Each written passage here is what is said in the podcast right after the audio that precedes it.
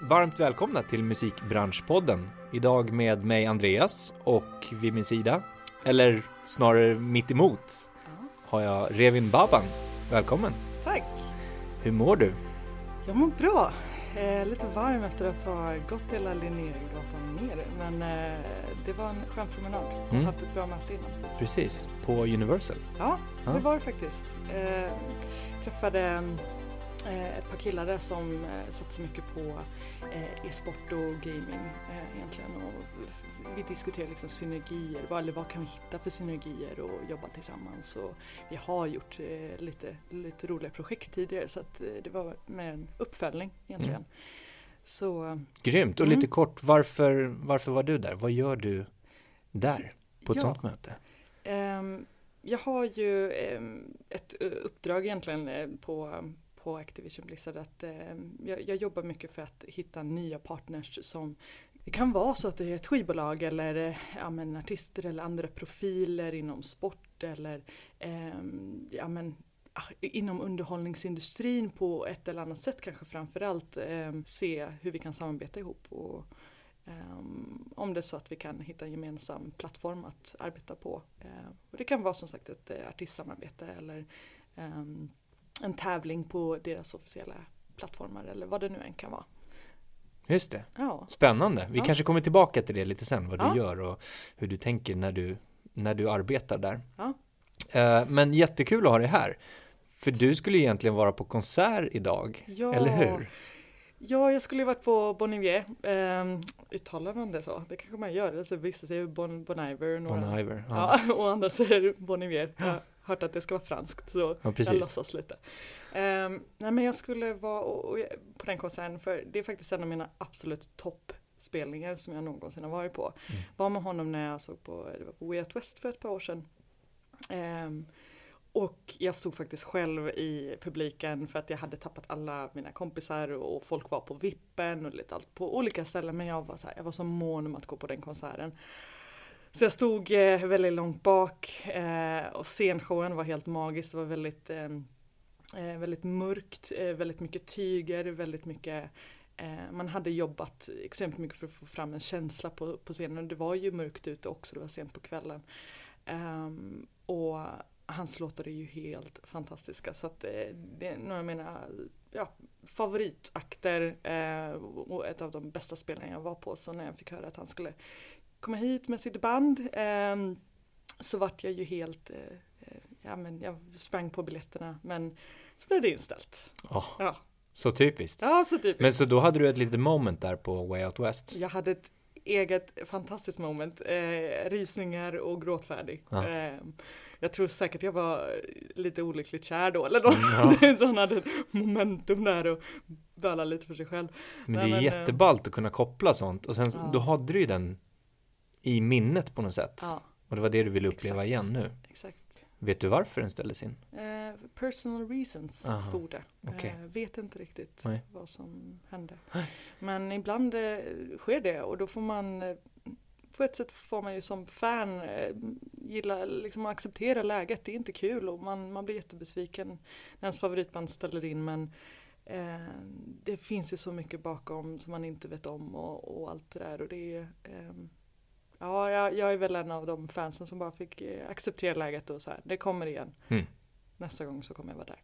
Men jag tänkte så här, vi ska börja lite grann vem Revin är. Mm. Och istället för att inleda med en sån här klassisk, jaha, vad jobbar du med då? Ja. Så tänkte jag inleda med frågan, vad brinner du för just nu? Det var en bra fråga. Ehm, just nu eh, skulle jag nästan säga att jag, eh, jag brinner väldigt konstant och har gjort det länge för och det gäller även nu så det är aktuellt. Eh, för utveckling. Eh, jag älskar att känna att eh, jag utvecklas och att människor omkring mig utvecklas och jag vill jag vill, eh, jag vill pusha och utmana och bli utmanad och på olika sätt. Så jag, jag har suttit och gjort en eh, här, att göra-lista för 2017 och du vet, jag, jag brukar jag brukar ha, jag har haft en bucketlist också som jag försöker beta av lite allt eftersom. Eh, men allting handlar för mig om att konstant eh, komma framåt Mm. eh, på olika sätt. Och jag brinner väldigt mycket för, för utveckling och att vi alla ska eh, bli bättre Mm. på olika områden som passar en. Kommer det, liksom, den passionen från något speciellt ställe?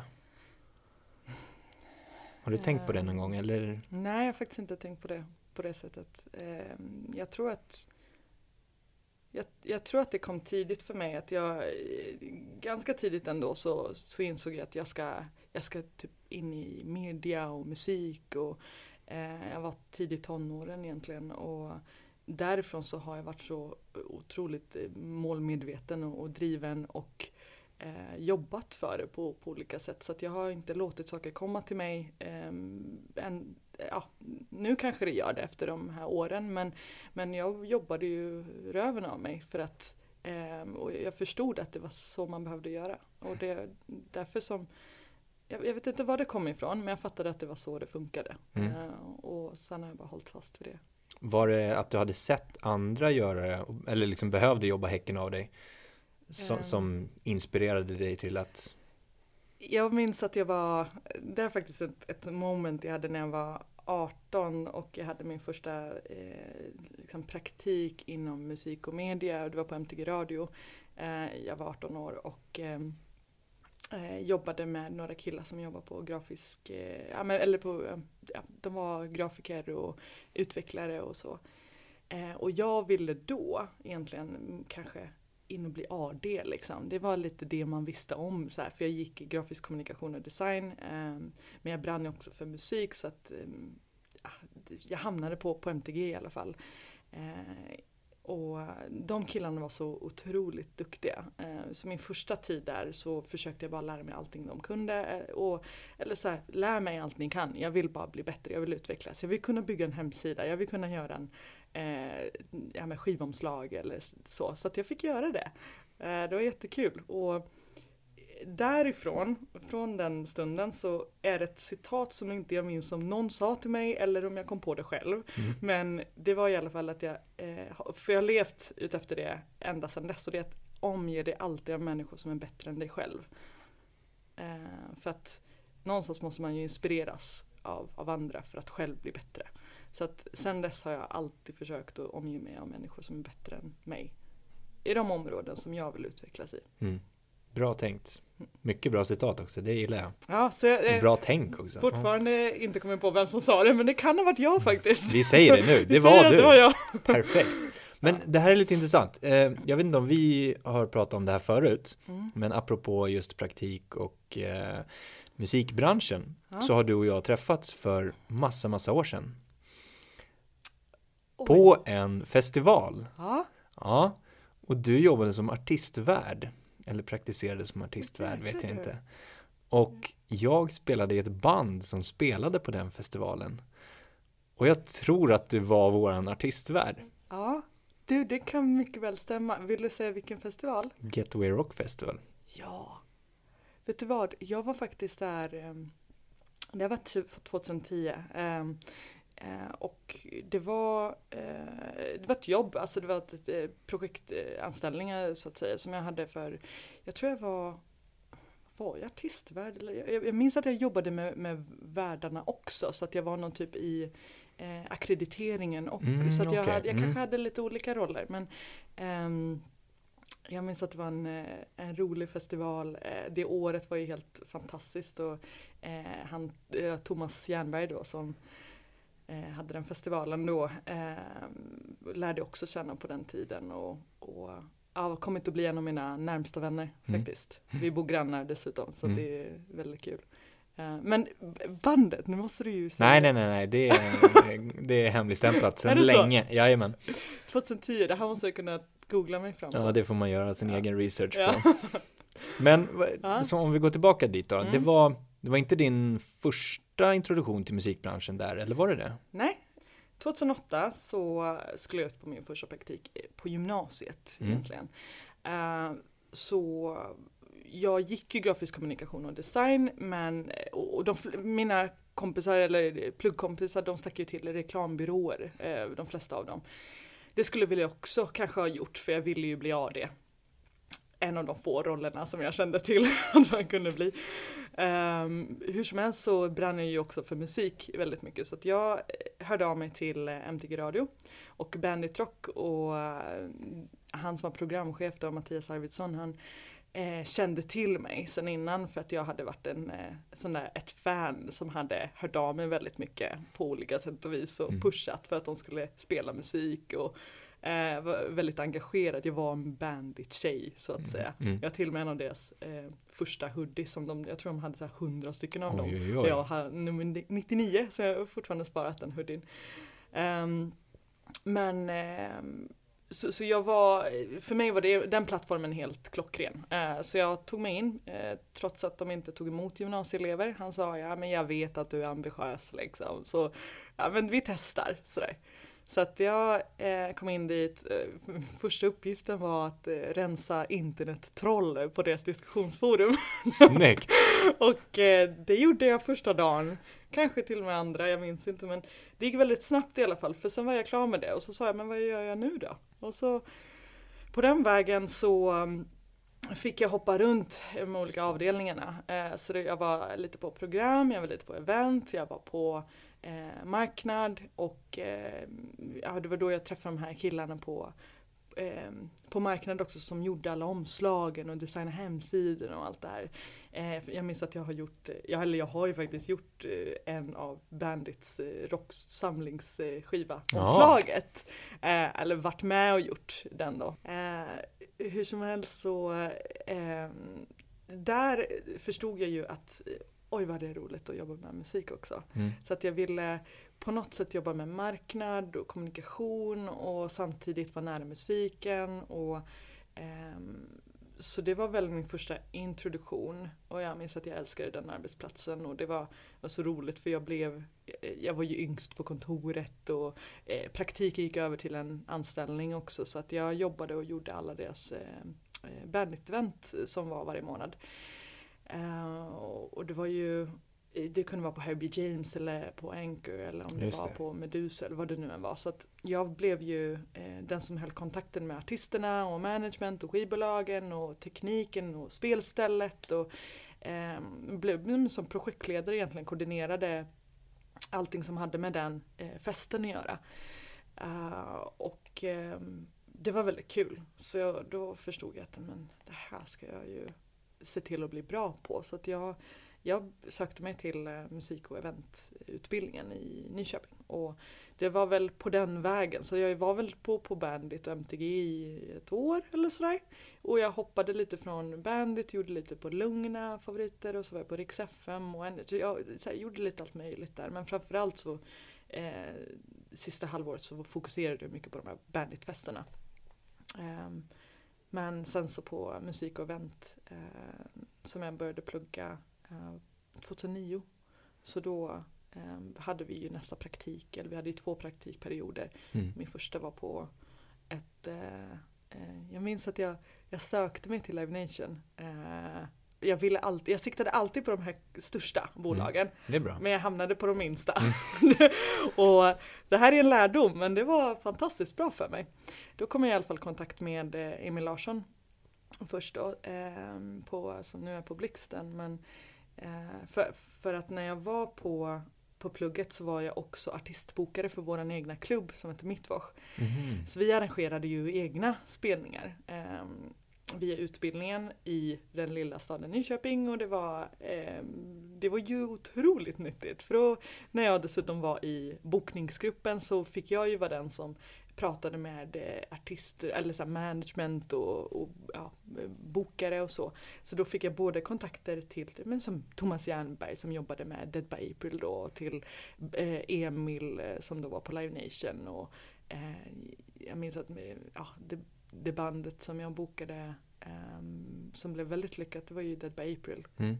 Hur som helst, så eh, han, kunde, han hade redan en praktikant, Emil, eh, när jag sökte mig dit. Men han sa det, han bara, men du, jag känner en kille som du måste träffa. Och så, så presenterade han mig för en kille som hade ett eh, företag som heter Opening Act, eh, Miad heter han. Och eh, det var ett, eh, ja, man hade förbandstävlingar på Opening Act. Och eh, man, eh, man tävlade om en eh, supportslott egentligen till etablerade artister och eh, det kunde inkludera eh, Lady Gaga till eh, Erik Hassle, Status Quo. Eh, jag satte ihop samarbete med då Getaway Rock Festival och Peer Pressure och ehm, jag var allt i allo med tanke på att det var jag och han. Mm. Så att om vi har en VD och en person till så gör man ju allt. Ja. Och det var otroligt nyttigt. Eh, jag var alltifrån, ja men fixade eh, intervjuer till, till artisterna, skapade press och, och media på lokal, i de lokala städerna med lokal media till att jag var men, relationen till alla förbanden till att jag pratade liksom med arrangörerna och management och sådär. Så att jag fick ju verkligen smaka på allt då. Eh, ja, så jag fortsatte jobba där samtidigt som jag pluggade. Mm. Eh, och jag hade ett annat extrajobb också på Globen. Ehm, så jag hade dubbla extrajobb och pluggade samtidigt, eh, sket i CSN. Eh, mamma har alltid varit sådär jättenoga med att kan du klara utan så ta ingen lån. Liksom. Så, och Så det var anledningen varför du hade dubbla jobb? För Eh, att finansiera? Egentligen inte för att jag älskade det också. För jag, jag Okej. såg det som ett eh, sätt att eh, få kontakter och lära mig och passa på liksom att vara i branschen och så. Mm. Men eh, det var ju superbra finansiellt också. Eh, ja, det var jag där större delen av 2010 och sen var det ju dags för nästa praktik, år två. Det, är ju- en tredjedels praktik på, på den utbildningen så att det var sju månader totalt vilket var svinbra. Mm. Och eh, jag sökte mig till, eh, eller hamnade på bolag där jag, i alla fall båda gångerna också, då fått jobb och eh, haft typ på det sättet att den öppningen har funnits. Eh, men då i alla fall, sista praktikperioden var jag på ett bolag som hette Mr Radar Music Group. Och eh, de har ju flera ben i musikbranschen. Och det var egentligen min första riktiga liksom, jobb eh, i musik och skivbolagsvärlden. Mm. Så att de hade ju både eh, det andra var mer liksom på event och arrangörssidan kanske mycket liksom eh, och lite mer oetablerade akter jobbade jag med. Mm. Ehm, Hur kommer det sig att du riktade in dig mot det hållet då? Från liksom eventdelen och projektledardelen eh, du menar att jag hamnade på på Mr Radar? Ja, på Miss Radar. Hur hamnade jag Det där? bara blev så kanske? Jag minns att jag ringde vdn också. det det här typiskt mig.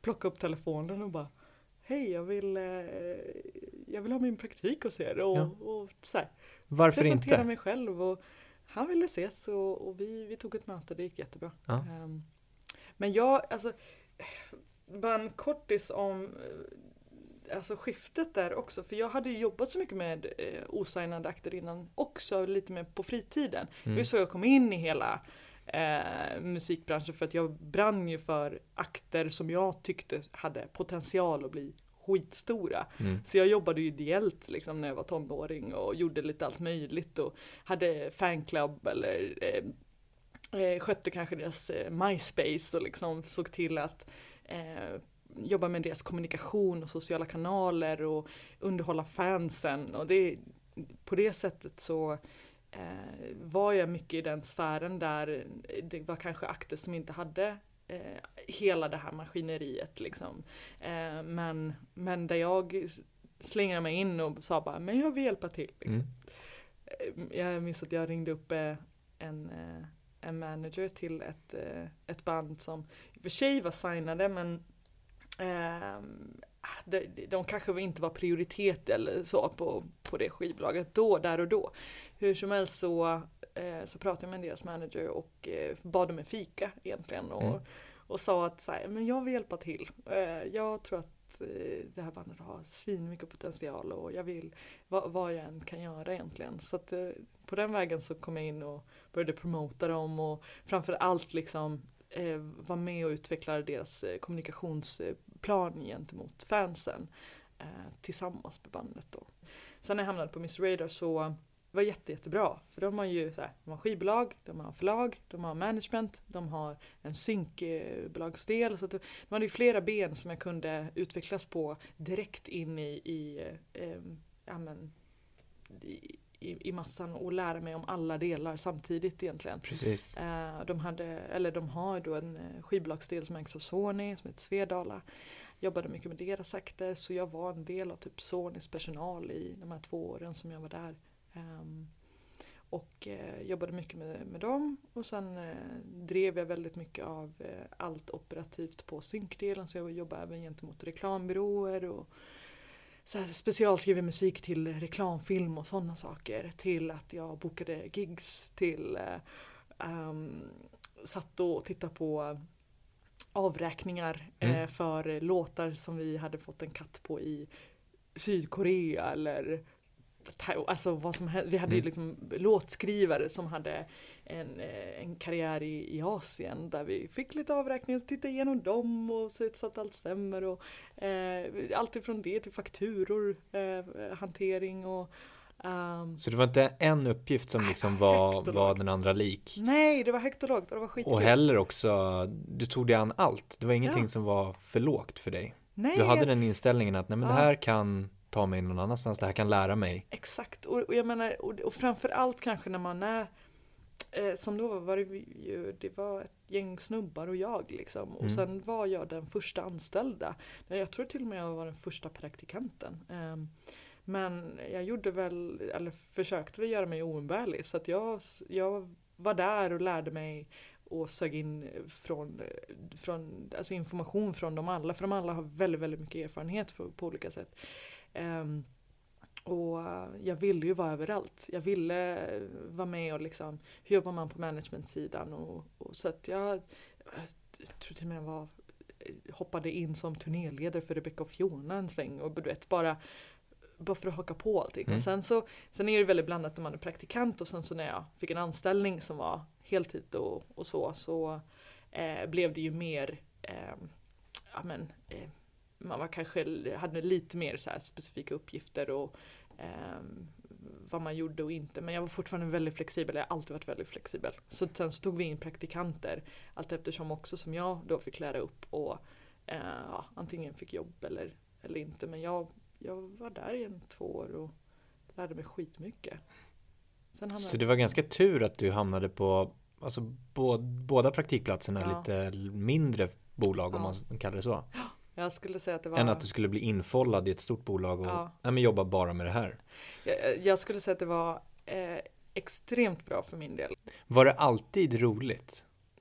Ibland var det ju jättejobbigt också. Ja. men, det Nej, men det är bra ja. poängterat. Ja. Det är inte alltid Nej. så roligt hela, hela tiden. Varje uppgift är inte det roligaste man har gjort i hela världen. Nej, men det är så. Och jag menar, ibland hamnar ju man också med, vad ska man säga, i väldigt utmanande situationer där jag som är väldigt självständig och eh, tar mycket initiativ. Ja. Eh, så jag tar ju på mig grejer också som inte jag kanske alltid ska ta på mig.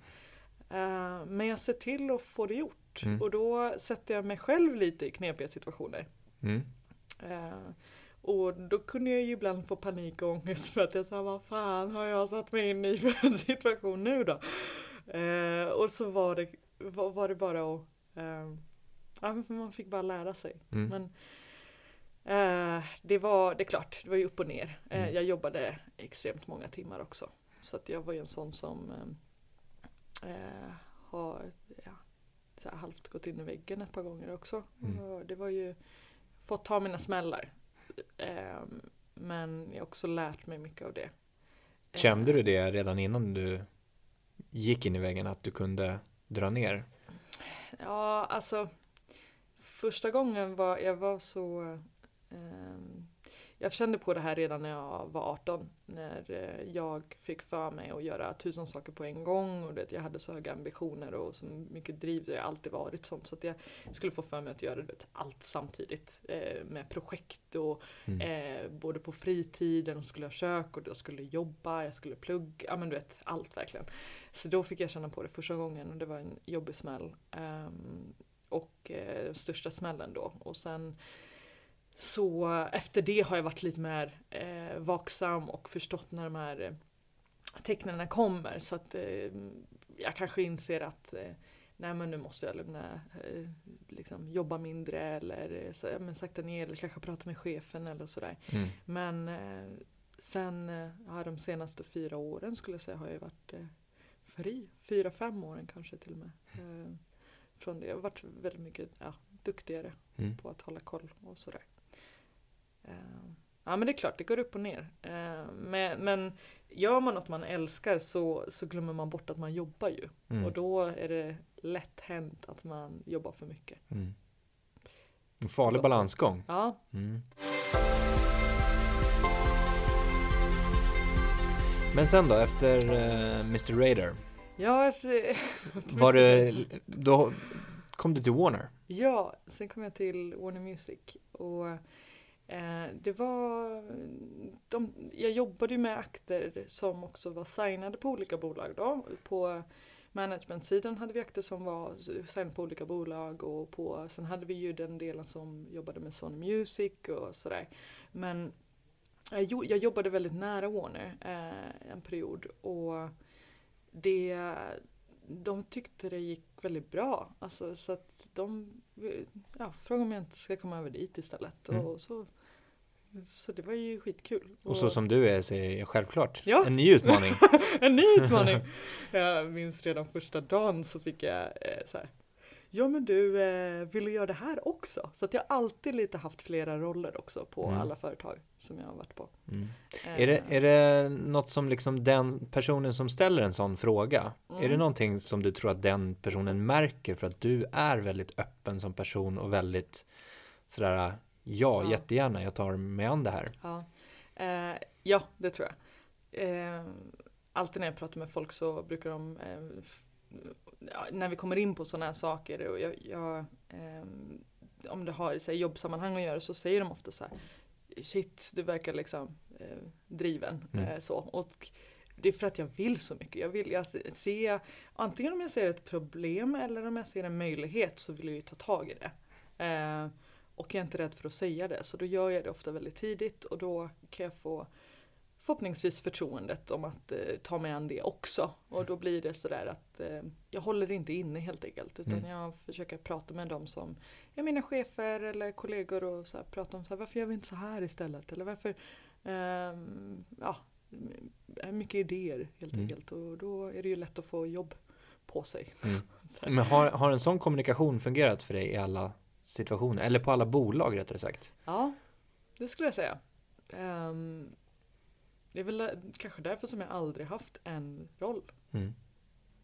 Nu när jag tänker på det så, det, ja, det har jag faktiskt aldrig haft. Inget företag har jag bara haft en roll. Nej. Ehm,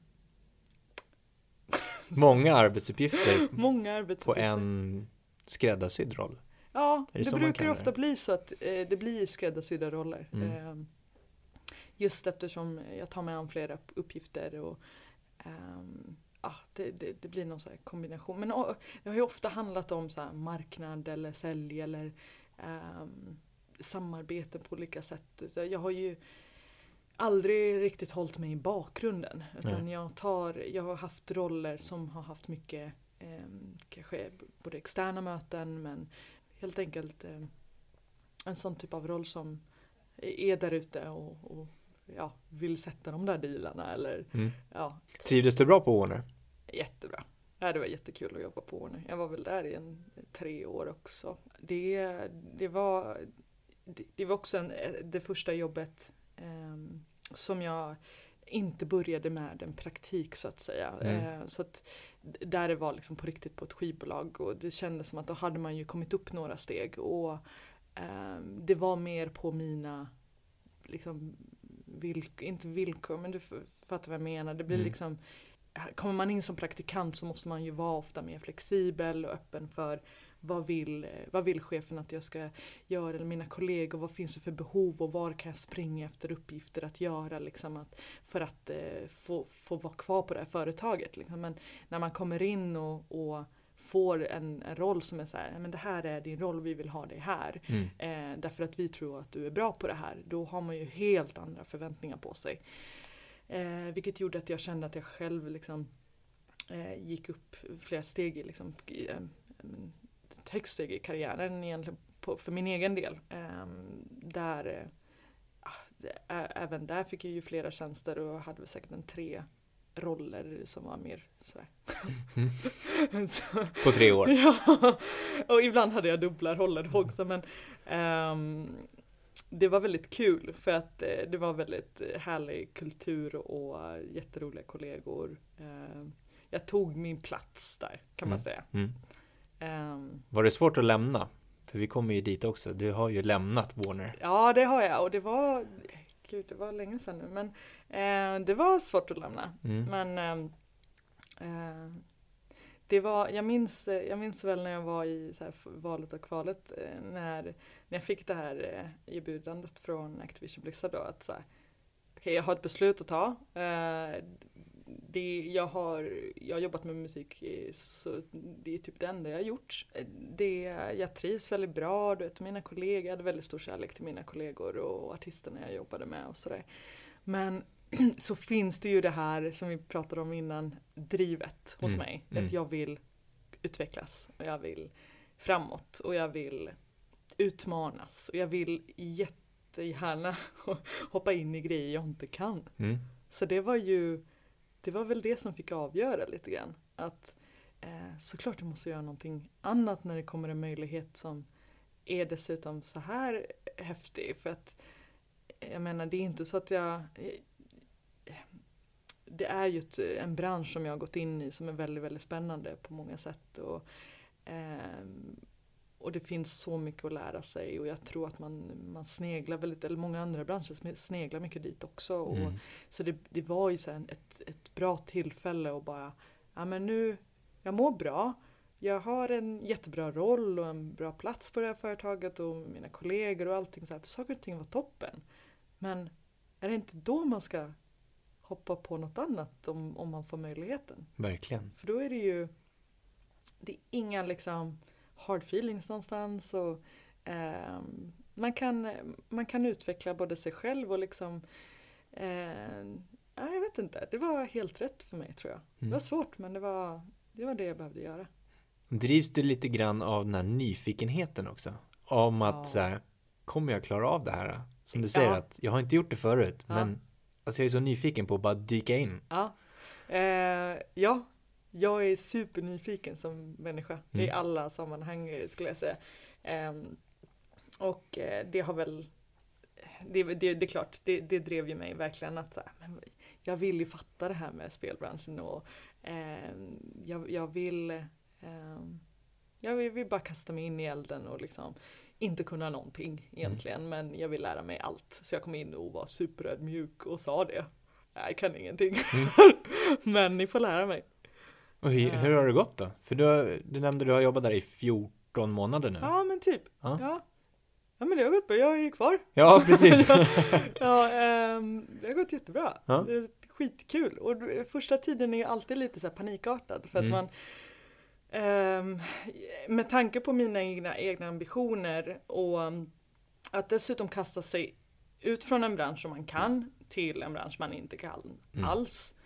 Till eh, att rollen ser så himla annorlunda ut. Och, ehm, jag, jag hade ju liksom haft eh, ja, men tre kanske primära roller på Porner och varav en av dem är sneglar liksom, eller två av dem kanske, som sneglar lite på det jag gör idag på, på Activision Blizzard. Men det ser väldigt, väldigt annorlunda ut eh, roll, rollmässigt och, och det är på en annan, jag upplever att eh, jag, jag, blev, jag var så paff första tiden. Det var så mycket, det var, korvstoppning var det Mm. förstås. Mm. Ehm, och sen var alla så duktiga. Jag Mm. var så jag var så otroligt imponerad för att någonstans så har ju och det här är någonting jag brukar prata med folk om ehm, när de frågar men så här, hur är skillnaderna på, på musikbranschen kontra liksom spelbranschen. Folk är nyfikna, jättenyfikna, vilket är kul. Men det är ju eh, musikbranschen har ju så här, man har haft väldigt många rävar liksom som varit med länge och man kanske började på lagret eller i en skivbutik eller DJat eller liksom på något sätt varit eh, hängt sig kvar liksom och eh, ja, många, eller det finns en, en hok med människor som har kanske varit i 15, 20, 30 år, 40 år liksom i branschen. Och sen har det senaste ja vad ska man säga, senaste tio åren kanske som man har kommit, det har kommit in väldigt mycket eh, nya människor som har gått utbildningar och kanske framför, ja, väldigt mycket så här Hultsfred och Nyköping och även härifrån. Eh, och att eh, ja, med unga människor som kanske inte har den erfarenheten med sig men de kommer från plugget och de är hungriga och det är nya färska ögon och man börjar som praktikant. så att det, är en hel, det skedde ett skifte där någonstans mm. eh, för ett gäng år sedan. Så det var högt och lågt. Mm. Alla sådana så, konstellationer liksom på företag gör ju så att det, det finns några som är extremt erfarna. Eh, och, och, av de som är väldigt erfarna så kommer det finnas de som också är väldigt skillade och väldigt duktiga och eh, har e, extremt, ja men som är väldigt, väldigt fortfarande ambitiösa och hungriga men så kommer det finnas de som är lite omoderna och ja, inte riktigt har hängt med liksom vad som har hänt senaste åren höll jag på att säga. Eh, sen har vi ju den andra sidan eh, massa nya människor som kommer in och är väldigt färska och kanske inte har e-, erfarenheten men man är väldigt hungrig och vissa kommer direkt liksom göra avtramp och både se till att man är kvar, eh, skapa sig det nätverket och eh, kunskapen snabbt och liksom se till att verkligen göra en karriär i branschen och, och vissa som inte pallar trycket eller eh, är där av lite fel anledningar.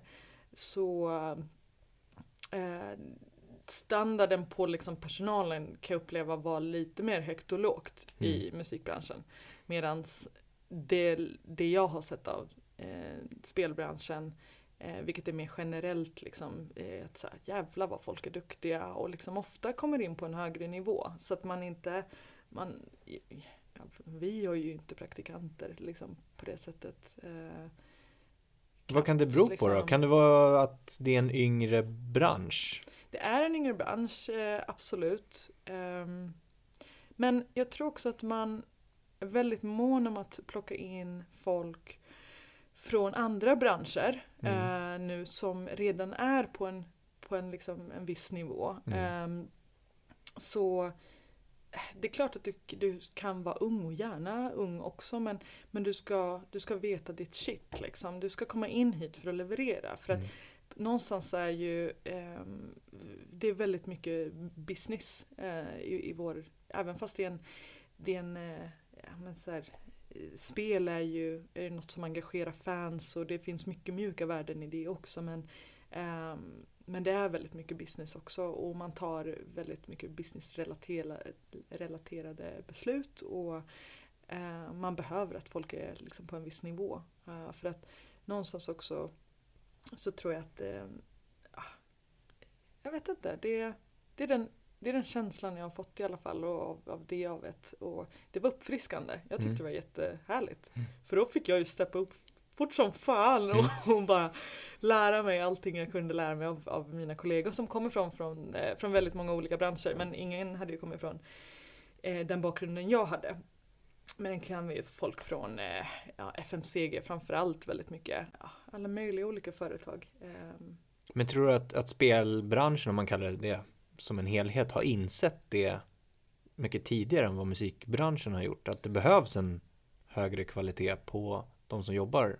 Det är klart, alltså, någonstans har ju de här företagen och, och studiosarna framförallt kanske så här, det är ju eldsjälar där också som har startat upp de här företagen. Och, eh, man, ja, men, kanske någon nörd som liksom började någonstans att utveckla någonting och så har det bara byggts imperium av, av mm. det här. Och, ja men så blir det när någonting kommersialiseras. Um, och sen har man bara insett att ja, men det finns ju pengar att tjäna här och då behöver vi bra folk som, som kan ta businessbeslut. Uh, mm. eller inte bara beslut men se till att det går framåt i, i våra affärsverksamhet. Liksom. Um, man, jag upplever att man uh, i musikbranschen också haft ganska mycket utrymme för att både utrymme och tvingats till att vara väldigt kreativa och hitta egna lösningar på grejer och, och testa olika saker. Och, eh, man, eh, ja alltså det har varit supernyttigt verkligen att komma från den bakgrunden också upplever jag. Eh, nu när jag kommit in i, i gaming att eh, där hade vi eh, lite mer, även fast det var kanske ett amerikanskt bolag eh, och man hade många internationella kontor, man skulle lyssna på USA i många frågor och sådär. Så kunde man ta ganska mycket lokala beslut och Mm. testa olika saker och se, eh, man, eh, man tweakade väldigt mycket på lokal nivå. Eh, jag skulle säga mer än, än man gör i, i min nya bransch. Mm. Ehm, och eh, ja, jag vet inte vilket som är bäst. Vet- Skulle musikbranschen må bra av att snegla lite mer på gaming? Ja, det tror jag. Ja. Jag tror att det, det finns mycket att lära alltså, från båda håll. Um, men jag tror, och, och det, det vet jag ju, det upplever jag verkligen nu, att musikbranschen tittar mycket på gaming, det gör man. Um, eh, dels för att så här, det är oundvikligt lite grann nu med hype och eh, det blir så etablerat att gå från, lilla, ehm, från pojkrummen ut till liksom det kommersiella och mainstream. Och, um, så att jag, eh, och, och man, man förstår att det är ett fenomen som är här för att liksom stanna, för det har byggts och varit så enormt en sån, en ganska lång period ändå utan att eh, det är mainstream. Mm. Vilket är det, det är också sen när man tänker tillbaka på eh, jag tänker artister och band som som eh, skivbolagen snappar upp och, och signar. Ofta så kan det ju vara så här akter som har byggt sin egen fanbase under så här gräsrot, eh, gräsrotsnivå. Liksom, att det, det, de har byggt en fanbase som går på alla deras spelningar, som betalar för att liksom, köpa deras merch. Och, eh, man har redan gjort det där och, men det har inte gått mainstream och man har inte fått radio eller eh, Spotify support eller sådana saker. Men, men sånt är ju guld värt. Det vill man ju hoppa på direkt förstås. Och, och oj, de har så här många subscribers eller followers på sina kanaler och någonting gör de ju rätt. Mm. Och någonstans så tror jag att det är lite samma fenomen med gaming nu. Att eh, alla fattar hur många det är som spelar spel. Precis. Eller folk börjar förstå det Ja. nu snarare. Eh, och då vill alla hoppa på. Mm. Vilket är jätte, liksom, kul. Eh, så. Men eh, ibland blir det rätt och ibland blir det fel också. För att allting som trendar så kan ju eh, hoppar man på och bara vill vara med så kan det ju lätt bli liksom, det kanske inte blir trovärdigt ibland. Och, det är väldigt viktigt tror jag att ehm, ehm, eh, det är vi i alla fall väldigt måna om eh, när vi går in i samarbeten och sådär också att det ska vara väldigt trovärdigt. Mm. Ehm, man vill behålla det här som fansen känner och upplever och eh, vad franchiset står för och, ehm, och sådär. Men, men man har ju sett lite exempel utan att, att nämna liksom men att ja men nu är gaming hett. Så Ja. nu ska vi hoppa på. Ja. Och så kanske det är något företag som inte har någonting med det att göra. Varumärket är helt i så här. Vad händer nu? Och så har de tagit in lite influencers för att det också är hett. Ja. Och då, Har, har du råkat ut för sådana företag som kontaktar er eller dig? ja det har hänt. Det har det? Ja, det som liksom alltså- har noll koll på vad, de egentligen vill göra utan bara Ja, nu ska bara vi vill- samarbeta. Ja men om man vill vara med liksom. Ja, det, är, precis. det är lite sådär. Eh, ja men gaming, vad spännande. Ja, Och, Vad kan vi göra? Ja, vad kan vi göra? Ja. Och, eh, och sen kan det vara så lite, det blir lite pannkaka ibland och, och det är klart att man har ett ansvar liksom när man jobbar på ett företag att så här, vara mån om sina varumärken. Mm. Och, ehm, när det också är en bransch som fortfarande är lite så här outforskad av mainstream så kan det ju de företagen som kanske inte är insatta eller eh, har, har så bra koll och bara som sagt vill vara med är det ju lätt att man, man ehm, man förstår inte vikten av trovärdigheten att eh, liksom, det här är ju gedigna fans som spenderar liksom hundratals timmar liksom, på Mm. att spela ett spel. Och då är det superviktigt att det inte blir en så kallad sellout Mm. liksom eller eh, sådär. Men eh, det, det är roligt ändå för att det, det öppnar dörrar kan Mm. man ju säga. Men nu har du ju landat i det låter det som. Mm. Efter 14 månader. Och eh, du har hittat ut ur korvstoppningen och Ja. eh, hittat din roll lite grann. Ja. Vad blir liksom nästa utmaning? Eh, jag ska fortsätta göra det jag gör för att jag tycker det är så otroligt spännande just nu. Mm. Eh, jag ehm, jobbar, ja, dels jobbar jag med eh, nyckelkunder som jag ser till att göra bra affärssamarbeten med. Eh, se till så att det finns liksom bra, synlighet, exponering och distribution liksom ute, i, eh, ute på stan och sådär, eh, i butiker och så. Sen är det ju en del som eh, är väldigt mycket så här utforska nya eh, alltså så här, new business, business development liksom. Mm. Och vad är det som, vad är, var, var, vilka andra partners kan vi arbeta med? Och okej, okay, vi, vi, vi har koll på våra youtubers och, och, eller sådär. Vi har, vi har väldigt mycket som är etablerat men det finns fortfarande utanför den sfären så finns det jättemycket potential och som jag sa innan, att det har ju öppnats mycket dörrar även för att folk tittar så mycket på gaming så att då vill man ju eh, Folk är ofta väldigt eh, öppna för att lyssna och mm. ta de där mötena. Uh, så att det, det vill jag fortsätta göra och uh, jag, jag har ju några egna så målsättningar som jag behåller för mig själv men det är ändå mm. sådär att jag, jag, vill, jag vill se till att det här händer och då kommer jag vara nöjd över att så okej, okay, då har jag gjort det också och mm. sen eh, lyckades med det för, förhoppningsvis då. Eh, och sen kommer jag komma på någonting annat kul projekt i, som jag kommer vilja ta mig an där och eh, men jag kommer ju alltid vara sån mm. Eh, hela tiden. Du tror aldrig du kommer liksom, nej men nu har jag hittat det, nu lugnar jag ner mig, nu tar jag det liksom. Men, men det gör jag ju, alltså jag, jag engagerar mig ju väldigt mycket i det jag håller på med. Mm. Eh, så jag är 100% liksom i det jag gör. Men, eh, men jag vill hela tiden framåt också. Mm. Så exempelvis nu då, eh, nu vet jag vad jag åstadkom liksom mitt första år på det här företaget. Ehm, och jag vet vad nästa steg är. Mm. Och då vill jag då vill jag se till att liksom, de här sakerna ska jag också göra. För jag vet att det där hann jag inte med förra året och då måste jag göra det det här året. Och, mm. um, så, och så jobbar man mot det. Mm. Bara. Um, men, men det är inte så att jag kommer jag, jag har svårt att se mig själv, det kanske kommer ske eh, i framtiden, men att eh, man tänker ja men jag går till jobbet nu och sen så jobbar jag. och, så, och så går jag hem och eh, vet, har inga målsättningar. Alltså jag måste ha målsättningar. Men det är ju otroligt viktigt det där som du säger. Alltså ja. du har ju drivet och du vill ja. utvecklas, du vill utmana dig själv och pusha dig själv. Ja. Men det viktiga i det, som du också säger, är ju att du är där 100%. När du väl gör det, då gör du det då. Ja, exakt. Och alltså, eh, ofta när man säger upp sig från ett företag så, så är det väldigt lätt hänt att man zoomar ut. Mm. Eh, det är ju väldigt vanligt och helt normalt. Eh, jag är ju inte sån. Eh, när jag, nu menar jag bara på liksom, när jag sa upp mig då från mitt förra jobb.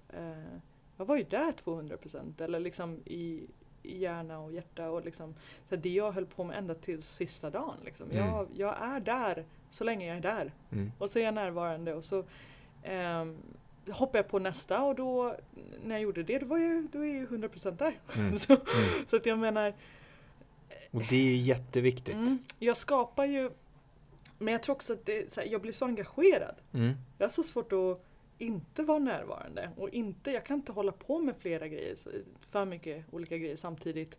Mer än att jag gör det kanske då inom företaget så här. Mm. Um, men att jag, jag, jag, vill vara flexibel och få röra mig över gränserna och eh, jobba med eh, olika typer av projekt och ingenting, får, det får inte vara så monotont och du vet, eh, stagnera på det sättet. Men eh, jag blir väldigt engagerad i det jag gör och de varumärken eller de, vad jag än jag jobbar med så, så vill jag ju ja, se till att satsa liksom allt jag kan bara på det. Liksom.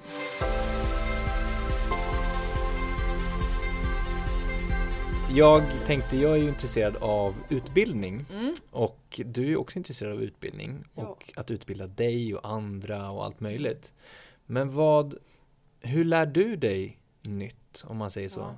Hur ser du på utbildning av dig själv? Eh, det är en bra fråga för att eh, det är också en av de eh, grejerna som jag drivs väldigt mycket av ju att liksom hela tiden utvecklas sådär och då ingår ju utbildning i det. Man kan ju inte bara tänka att man är liksom supermänniska och klarar av allting utan man får ju bara se till att, att utbildas och, och lära sig liksom genom eh, en viss del teori och, och en del eh, praktik. Och jag är ju själv involverad i utbildningar, eller utbildning också. Eh, jag sitter med i en ledningsgrupp ehm, på på akademin.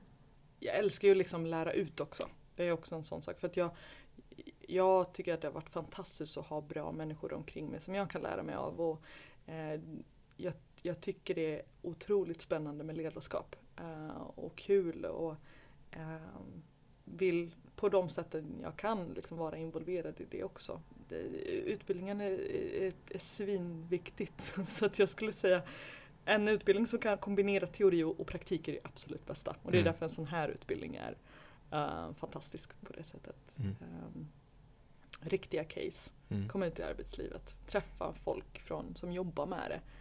Inte som uh, gjorde det för eh, 40 år sedan och inte vet liksom riktigt hur det är i arbetslivet längre. Ja. utan det, man behöver människor som är där och då. En annan del som du också nämner, nätverkande. Mm. Det är ju mm. en del av utbildning tycker jag. Mm. Eller att utbilda sig själv som du säger, ja men det är mentorskap eller lära ja. känna andra, lära av andra. Ja. Och vi ägnade ju faktiskt ett helt avsnitt åt nätverkande ja. här i podden för några, ett tag sedan. Vi pratade lite så här konkreta delar. Men du har ju nämnt vikten av långsiktiga relationer också ja. för mig. Ja.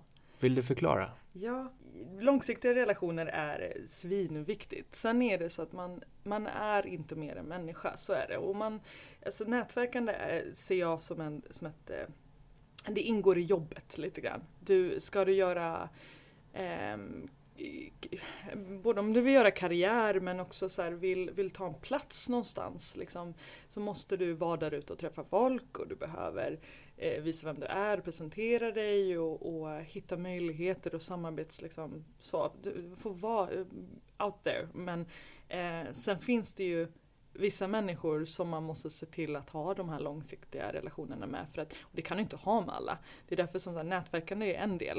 Eh, men sen behöver du de långsiktiga relationerna för att kunna man vet aldrig vad som händer i framtiden så att säga. Eh, och det kan vara allt ifrån samarbetsmöjligheter till att eh, ja, men, eh, ja, när du hamnar i en situation där du behöver jobba väldigt tätt med någon och har ett kortsiktigt tänk, då eh, svårt att komma ur knepiga situationer mm. om du inte har en långsiktig relation med den personen. Um, en, eh, en sån relation som är ofta så här partnerskap kanske, det får inte vara baserat på dagsform utan du måste ju ha något långsiktigt med det hela. Så jobbar jag jag försöker att alltid jobba så när det kommer till de partners jag jobbar nära med. Oavsett om det tidigare då i min förra bransch var artister eller liksom management eller, eh, eller kollegor eller chefer eller sådär. Men eh, när man behöver interagera med folk liksom på så här tätt så måste man vara väldigt mån om att eh, eh humöret får liksom inte det, det, är inte beroende på ditt dagshumör som den här relationen eh, hur det går liksom eller Nej. hur det här partnerskapet går utan du får hela tiden tänka framåt och eh, ibland måste du backa från dina principer eh, ibland måste du eh, behålla din integritet förstås men eh, du måste hela tiden tänka men vi ska jobba tillsammans längre fram eh, och då måste du vara mån om hur du hanterar de relationerna mm. och det är det långsiktiga tänket jag syftar på väldigt mycket. Eh, det har varit jättenyttigt och viktigt för mig. Ehm, och det jag menar med att alla är ju också människor ehm, och inga supermänniskor, eh, absolut inte jag men det är att eh, man hinner ju inte med alltid. Man vill vara överallt och hela tiden. Man vill se till att följa upp med den personen Eh, vad är det man brukar säga, så här, nätverkande, hittar, ja men försök följa upp var tredje månad mm. eller sådär. Du vet, man har vissa sådana regler eller så här, som man ska försöka hålla sig till. Eh, följ upp kontakten på det här sättet. Och så här. Jag tycker det är jättespännande med nätverkande också. Jag har läst, läst på en del om det. Men eh, man hinner inte alltid det. Så är det. Mm. Och jag tror att är man i, i, liknande branscher och rör sig omkring samma typer av människor eller, eller med gemensamma intressen så tror jag att det finns en, en gemensam förståelse på att, eh, på att ibland så hinner man inte med. Och, eh, men det, åter tillbaka till att så här, vara närvarande. Mm. För att då, då kanske man inte hann med det där då, man kunde inte följa upp då eller vad det nu än var. Men sen när du är där, då är du där och då ser du till att ge den uppmärksamheten, den fulla uppmärksamheten till den personen som behöver det där och då. Mm. Det är viktigt. Mm, mycket viktigt, fantastiskt. Är, som vi hör så är ju du en otroligt driven människa. Alltså från början till slut om man säger så. Eh, och sen förbi slutet också till nästa grej. Men vad, ibland kan det ju vara, vi var inne på lite så här svacka om man kallar det för det. Eh, vad, vad hittar du liksom motivationen och drivet när det kan vara lite tyngre? Det är en bra fråga för det har man inte alltid svar på. Jag har ju ingen svar på det nu heller höll jag på att säga. Men eh, jag har ju väldigt mycket passion för olika saker och jag har ett eh, Ibland behöver jag lyssna på musik och mm. kanske mina favoritband eller så här, nytt album jag upptäckt och så bara tjejlyssnar jag som det så fint heter. Eh, på repeat väldigt mycket och så bara blir jag helt eh, passionerad för det och så inspirerad och så kanske jag kommer på att men gud just det, det var länge sedan jag ritade och så går jag och eh, målar en teckning eller ja, eh, ritar något eh, och får inspiration av det och så börjar jag googla massa och sen så kommer jag in på artiklar och eh, rätt vad det är så sitter jag och, och läser liksom biografier och intervjuer om andra inspirerade, men, eh, inspirerande människor och det eh, brukar ofta liksom vara en bra kick för mig. Um, att, eh, men det är så här, det spinner vidare som mm. du hör. Det var mm. så här, mm. jag först bara fick jag för mig att lyssna på musik och så började jag rita så vart jag inne på mm. artiklar. Men, men det är verkligen så. Um, jag behöver inspireras också av olika saker i min vardag och mm. människor i min vardag.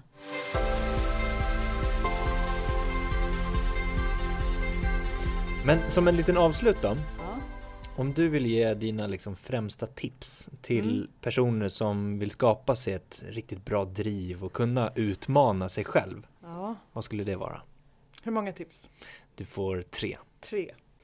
Spännande. Eh, jo, nej men det är var, alltså, var nyfiken. Det är en eh, A och O för mig. Oavsett om du ska in i ett möte och bara ha ett så, här, så kallade förutsättningslöst möte, jag hatar det ordet, för det är klart att det finns förutsättningar. Alltså man, man vill ju att någonting ska komma ut från ett möte, eller hur? Varför säger man då att det är förutsättningslöst? Mm, mm. Liksom eh, hur som helst, så, var, var nyfiken, ställ massa frågor och kan du inte så säger du det. Eh, eller så fake it till you make it. Det beror på situation helt och hållet. Uh, men uh, ställ så mycket frågor du bara kan och sug in och lär dig. Um, och uh, det var kanske tips ett.